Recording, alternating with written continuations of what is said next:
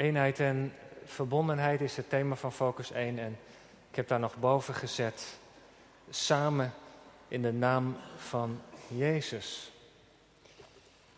Gemeente van de Heer Jezus Christus, de uitspraak is u wel bekend. Vele handen maken licht werk.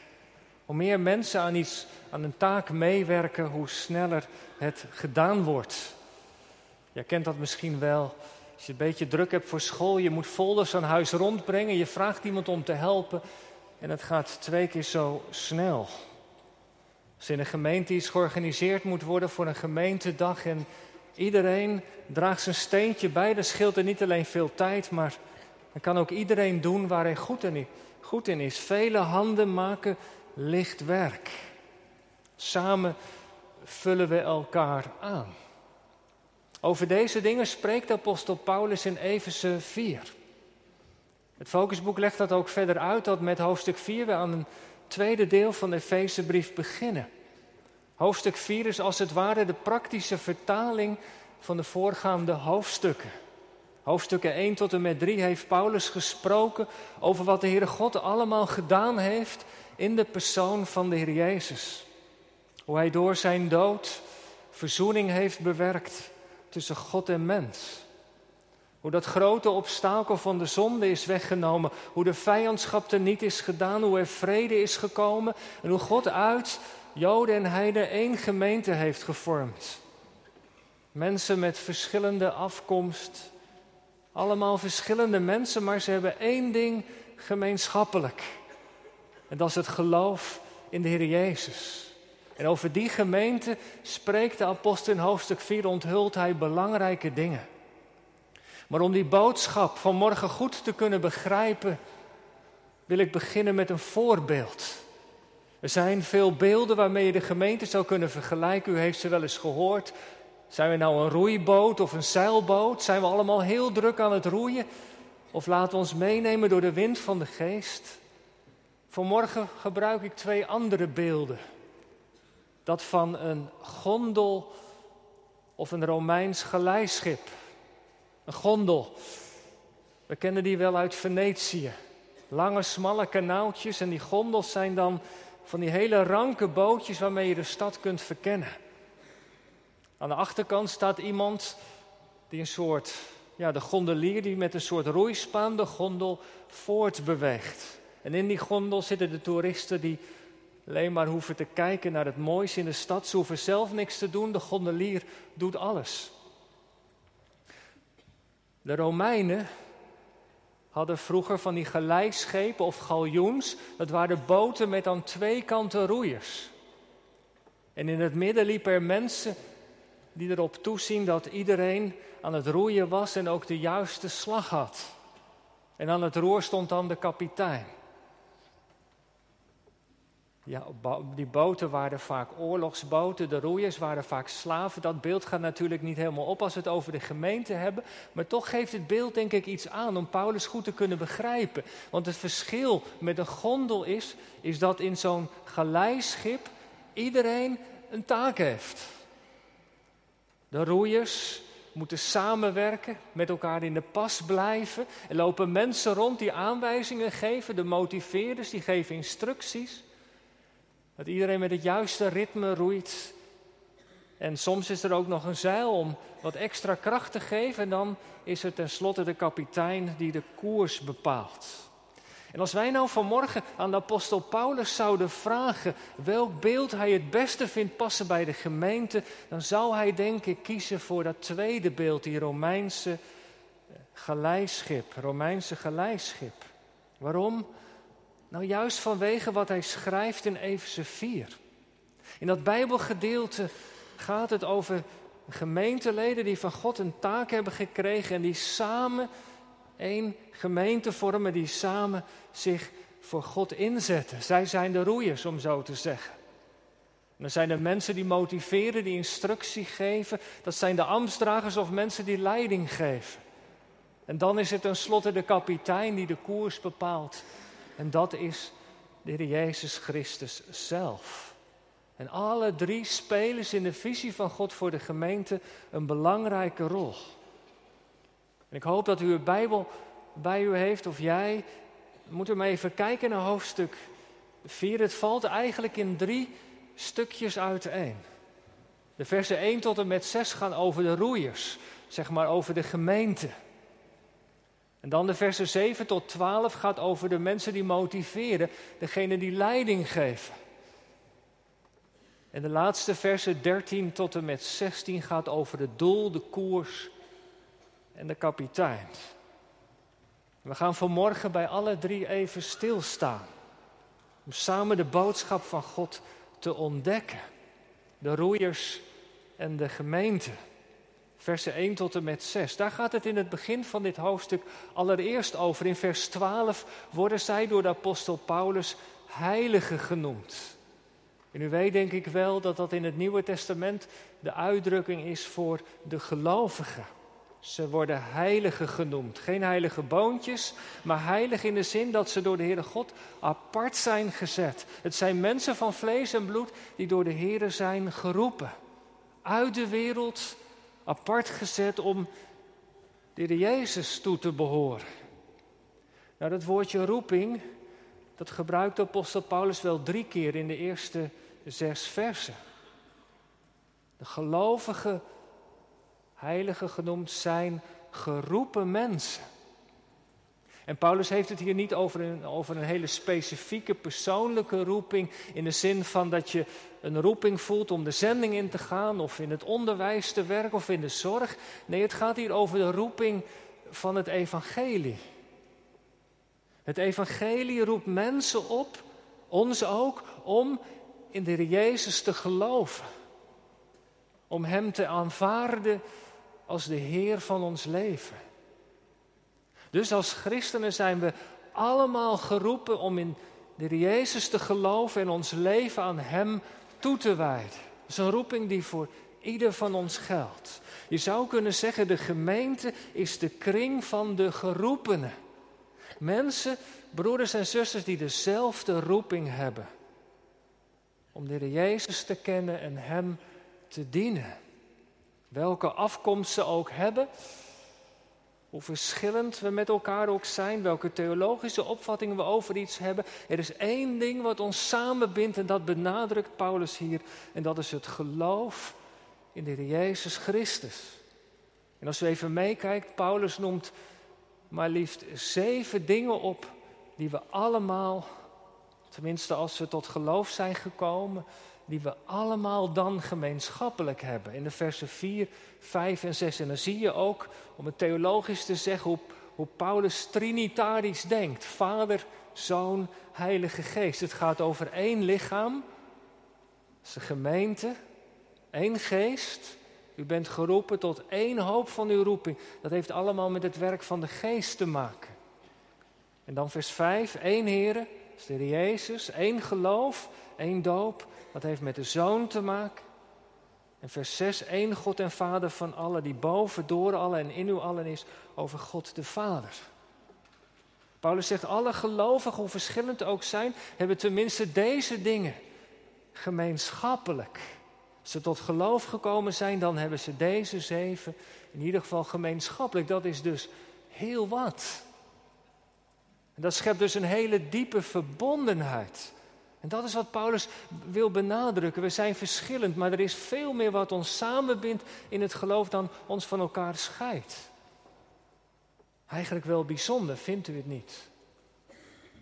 Kijk maar eens naast je in de bank. We zijn zo verschillend, maar we hebben het voorrecht gekregen om lid te zijn van deze gemeente, om van de gemeente van Christus lid te mogen zijn. Een grote gemeente. We zijn met zoveel vanmorgen. En vaak vinden we dat ook best lastig. In een tijd van individualisme, waarin mensen steeds meer op zichzelf zijn aangewezen, is er veel eenzaamheid. Maar weet u, het feit dat we met velen zijn, de gemeenschap van de kerk, dat is ook een missionair getuigenis naar buiten. Want soms hoor je dat ook. Als je zomaar eens iemand meeneemt naar de kerk die geen kerkelijke achtergrond heeft, iemand uit je vriendenkring, je neemt die eens een keer mee naar de kerk. Zeker bij de kerstnachtdienst zijn we met veel, maar ook op zondag natuurlijk. dan komen ze, dat hoor je dan terug, raken ze onder de indruk. Soms ook als je toeristen spreekt van wauw, komen hier zoveel mensen op zondag samen. Nou, dat is op zich al een enorm getuigenis natuurlijk naar buiten. De grootte van de gemeente zien we vaak als last, maar het is toch bijzonder dat we met zoveel mensen zijn. Die geroepen zijn te geloven, die geloven, die op weg zijn naar de Jezus, die met de Jezus leven. Die allemaal, mag ik het zo eenvoudig zeggen, wat hebben met de Heer Jezus. Eén Heer, één geloof. Tegelijkertijd, en Paulus benadrukt dat, ligt er ook een verantwoordelijkheid, de oproep om de eenheid te bewaren en te beschermen. De eenheid van de gemeente, de verbondenheid die we met elkaar, met de Jezus mogen hebben, is een gave, maar ook een opgave. Het is ook niet gemakkelijk om vandaag de dag gemeente te zijn. De cultuur beïnvloedt, de individuele vrijheid viert hoogtij. Je dan in liefde en waarheid tot elkaar verhouden, dat is niet altijd gemakkelijk. En Paulus is zich van die opgave ook bewust in de eerste paar versen. Hij spoort de gelovigen in Evers aan, kijk maar even mee, vers 2, om elkaar in liefde te verdragen. Om de eenheid van de geest, de band van de vrede te bewaren. Waar mensen samenleven, waar mensen samenwerken, is ook heel vaak gedoe. Helaas. En dat kan ons uit elkaar drijven. Nou, zegt Paulus, daar moeten we dus alert op zijn. Waken dat de eenheid van de gemeente niet onder druk komt te staan. Hoe belangrijk is dat? Beijver om elkaar in liefde te verdragen, de eenheid van de geest te bewaren. En ook, we zijn met zoveel, maar zien we elkaar ook? Weten we van die nood bij die persoon die naast je zit in de bank? Is er ruimte voor kwetsbaarheid, voor meeleven? De eenheid van de geest bewaren heeft ook daarmee te maken. Zijn we verantwoordelijk voor? Paulus zou zeggen bij alles wat we doen en alles wat we zeggen, neem deze vraag mee. Bevordert het de eenheid van de gemeente of niet? Of wordt door wat ik zeg of door de band van de vrede juist beschadigd? Wees daar alert op. En waarom is die eenheid zo belangrijk? Ik zei al, juist vanwege het getuigenis naar buiten. Verdeeldheid in de kerk of een verdeelde kerk laat naar buiten toe een verdeeld lichaam zien. Een verdeelde Christus. Is Christus nou van die kerk of van die kerk? Hoe zit het nou, vraagt iemand. Het doet de zaak van Christus geen goed. In de gemeente de roeping om de eenheid te bewaren en te zoeken. En ik weet dat een collega hier in Gouda, christelijk geeft meer de collega Bert Loonstra, langs een boek heeft geschreven. Hij had me een mail gestuurd. Eén kerk is de titel Weg uit verdeeldheid. Heeft hij heel sterk op zijn hart gekregen om zich in te zetten voor de eenheid van de kerk in deze stad. Dat woord van de Heer Jezus, opdat wij allen één zijn. Dat heeft hij op zijn hart en daar heeft hij een boek over geschreven. En heeft ook het contact gezocht. Ik noem het maar, ik, Misschien moet u daar maar eens naar kijken, naar dat boek. De eenheid van de gemeente. Dan kom ik bij het tweede. De versen 7 en verder. De gaven en de ambten. Paulus brengt namelijk nog iets. Die eenheid die, die gegeven is, die we moeten bewaken. Er is nog iets wat nodig is om de gemeente een gemeente van Christus te laten zijn. Twee dingen heeft Christus aan zijn gemeente gegeven: gaven en ambten. En Paulus maakt dat duidelijk. Kijk maar even mee op een beetje een lastige manier. Hij haalt het Oude Testament aan, Psalm 68. Die hebben we niet gezongen, maar zou u thuis eens naar moeten kijken. Psalm 68 gaat over God als een veldheer, als een generaal. Die een strijd levert en de overwinning behaalt. Vijanden, over de vijanden heeft hij de overwinning behaald. En vroeger was het gebruikelijk dat de generaal die de overwinning had behaald met zijn leger weer terugtrok naar huis. En in die stoet waren dan ook de krijgsgevangenen, die, die nam hij mee. Die werden in zekere zin ook bespottelijk gemaakt. Ze waren overwonnen, zij hadden niet staande kunnen blijven. En op die optocht naar huis werden er ook geschenken uitgedeeld. Psalm 68, Paulus betrekt dat beeld op Christus, onze heiland. Wat heeft hij hier gedaan? Hier in die onderste delen op aarde heeft hij een strijd geleverd. De strijd met Satan. Hij heeft zich vernederd aan het kruis. En aan het kruis heeft hij de machten van kwaad, van zonde, van dood overwonnen. En de zegentocht, dat is de hemelvaart. Hij is opgevaren naar de hemel als overwinnaar. En toen hij in de hemel kwam, heeft hij gaven uitgestort aan de mensen. Dat is het beeld wat Paulus in deze verse verder gebruikt. Hij is opgevaren en deelt zijn gaven uit. Wat zijn die gaven dan? Twee dingen. Vers 8. Toen hij opvoert, gaf hij gaven aan de mensen. Paulus werkt dat hier verder niet uit. Wordt in het focusmateriaal ook niet direct gedaan. Maar God heeft aan de gemeente, aan de broeders en zusters, aan ons gaven gegeven. Elders in de brieven noemt hij er heel wat. De gaven van geloof, van wijsheid, van kennis, van profetie, van genezing, van onderwijs, van vermanen, van helpen, van leiding geven, van vertroosten enzovoort. Heel veel verschillende gaven aan de gemeenteleden geschonken, aan u, jou en mij. En elke gelovige heeft tenminste één gave ontvangen om de Heer en de gemeente te dienen. Om je steentje bij te dragen. En in het gespreksmateriaal, vraag 5, gaat daarover. Zoals een lid bijdraagt aan de groei van de gemeente, heb jij ook een rol. Wat draag je bij aan de groei, aan het goed functioneren van de gemeente? Wat is de gave van God die u heeft gekregen? Wat is jouw gave? Want het is zo jammer als dat niet wordt gebruikt. Gaven, dat zijn dingen waar je goed in bent, die je ten dienste van de Heer wilt geven. Dat zijn dingen die te maken hebben met een verlangen in je hart. De zorg voor kinderen, de clubwerk misschien, missionair, leiding geven in het ambt. Maar het gaat erom dat wat je van God hebt gekregen, dat je dat inzet ten dienste van de gemeente. Om Christus zo te dienen. En het tweede, Christus heeft nog iets geschonken. Vers 11. Mensen met een speciale roeping. Om die gaven goed te kunnen laten functioneren, heeft hij mensen gegeven die daarop toezien. Ze zijn de motiveerders, om zo te zeggen, in de boot. En Paulus noemt er in vers 11 vijf. De apostelen, mensen met een missionaire roeping, betrokken bij de stichting van de gemeente, profeten, mensen die namens God spreken, woorden van God doorgeven, evangelisten, zij die het evangelie verkondigen, mensen die Jezus niet kennen, herders dragen zorg voor de gemeente en leraars geven onderwijs over God en het geloof. Vijf noemt Paulus hier, de lijst is niet uitputtend. Diakenen worden bijvoorbeeld niet genoemd. Zouden meer genoemd worden, maar hij legt even de vinger hierbij. En als je kijkt, zijn de eerste drie, de apostelen, profeten en evangelisten, personen die betrokken zijn bij de stichting van gemeentes, universele taak. En de herders en leraars die zijn geroepen om in een lokale gemeente te werken. Dat zijn de oudsten, de ambtsdragers zoals wij die kennen.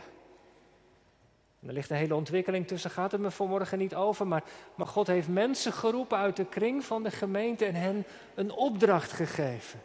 En wat is die opdracht? Nou, zegt Paulus in één woord: toerusten. Toerusten tot dienstbetoon, tot opbouw van het lichaam van Christus. Dat woordje toerusten is een heel praktisch woord. kwam in de dagen van Paulus uit de medische wereld. Als je arm is uit de kom, dan moet hij rechtgezet worden. Of als je arm gebroken is, dan wordt hij gespalkt zodat het weer kan herstellen. Dat iets op zijn plek gezet wordt, betekent dat woord. Of uit de scheepsbouw. Een schip om te kunnen varen had tuigage nodig, zeilen. En toerust is zorgen dat het schip alles heeft waardoor het kan varen. En dat is dus de taak, zegt Paulus. Zorgen dat de gemeente goed functioneert. Daarvoor heeft hij mensen geroepen. Dat er getraind wordt. U, jij en ik, dat wij geholpen worden om onze gaven van God te ontdekken en te gebruiken. En wat, Nou ja, je kunt het voorstellen met de computer. Misschien ben je een beetje een digibet, heb je een computer in huis staan, maar je kunt hem eigenlijk alleen maar gebruiken als je kinderen op bezoek zijn. Zelf ben je misschien niet zo handig, maar ja, aan een computer heb je niet zoveel als je hem niet hebt leren gebruiken. Nou, dat is eigenlijk wat Paulus zegt. De gaven die moet je ontdekken en leren gebruiken. En er zijn mensen nodig die je daarbij helpen. Dat zijn degenen die Christus aan de gemeente heeft gegeven. In focus is dat vraag 4. Hoe krijgt de toerusting in de gemeente een plek? Laten we daar met elkaar over in gesprek gaan. Laten we daarover met elkaar in gebed gaan. God om raad vragen wat Hij ons hierin van ons vraagt. Die toerusting is dus belangrijk. Want er zit een gevaar. Daar is Paulus zich van bewust dat wij met elkaar op een gondel gaan lijken. Eén persoon doet alles. Of een paar mensen doen heel veel. Maar dat is niet het plan van God voor de gemeente. De gaven zijn bedoeld om benut te worden. Zijn mensen die door Christus worden gegeven om daarbij te helpen. En dan het laatste. Het doel en de kapitein. Vers 13 en verder. Ja, zegt u, we horen veel over de eenheid van de gemeente, over de gaven en de ambten. Maar is dat dan alles? Nee, Paulus is nog niet klaar. Heel het werk in de gemeente staat in een groter kader. Het wijst ergens naartoe. En wat is dat? Nou, dat is naar Christus. Dat is de, de beweging die Paulus maakt in de schrift.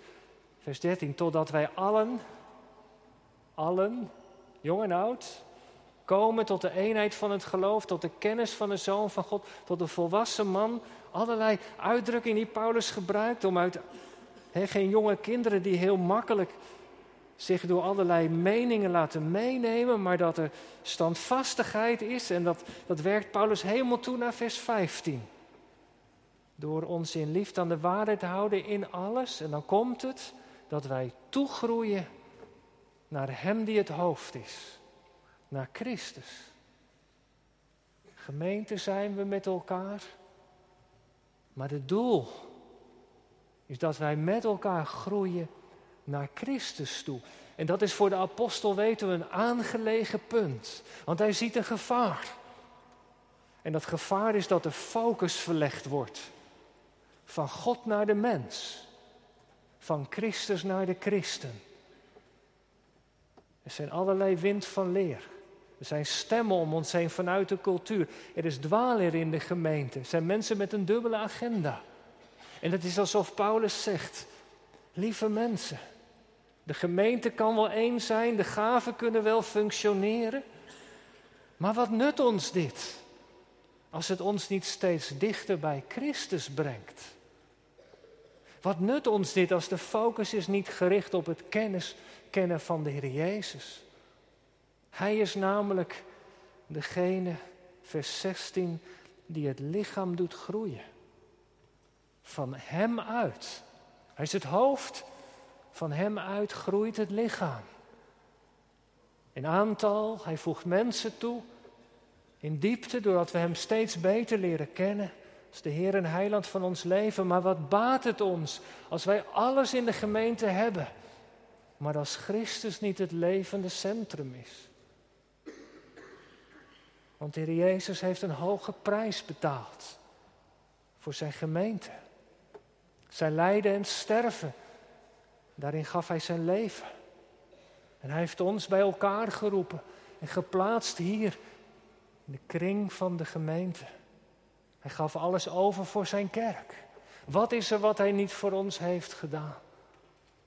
En daarom heeft hij recht op onze toewijding, op onze gehoorzaamheid. Hij verdient het als wij zeggen, elke dag als we weer opstaan. Heere, zegt u het maar. Wat wilt u dat ik doe? Hoe kan ik u dienen? En als je die stap maakt, dan neemt de geest je bij de hand. Dan helpt hij om te groeien. In de kennis van de Heer Jezus. En hij geeft dat we samen als gemeente, gemeenteleden, Amstragers, groeien in de breedte, de lengte, de hoogte en diepte van de liefde van Christus. Het woord spoort ons aan, daar eindig ik mee. Het woord spoort ons vanmorgen aan om in alles de focus te houden op Christus. Alles wat Christus als hoofd niet eert, dat moeten we laten varen. Alles wat de band met Christus in de weg staat, dat moeten we verwijderen. Alles wat niet de opbouw van de gemeente dient, daar moeten we mee stoppen. Want Hij is het die ons samenbrengt. Hij is het die ons voedt. Hij is het die ons leidt. Hij is het die ons met gaven verzadigt. Hij is het die ons roept. Hij is het die ons vergeeft. Hij is het die ons heeft gered. In de kerk is het alles door Hem en voor Hem en tot Hem. Zo kunnen we gemeente zijn naar Gods hart. Waar mensen welkom zijn, waar mensen overrompeld worden. Door de liefde van Christus. Samen in de naam van Jezus. Wat een voorrecht om lid te mogen zijn van het lichaam van Christus, vindt u niet? Hem zij alle lof en eer tot in eeuwigheid. Amen.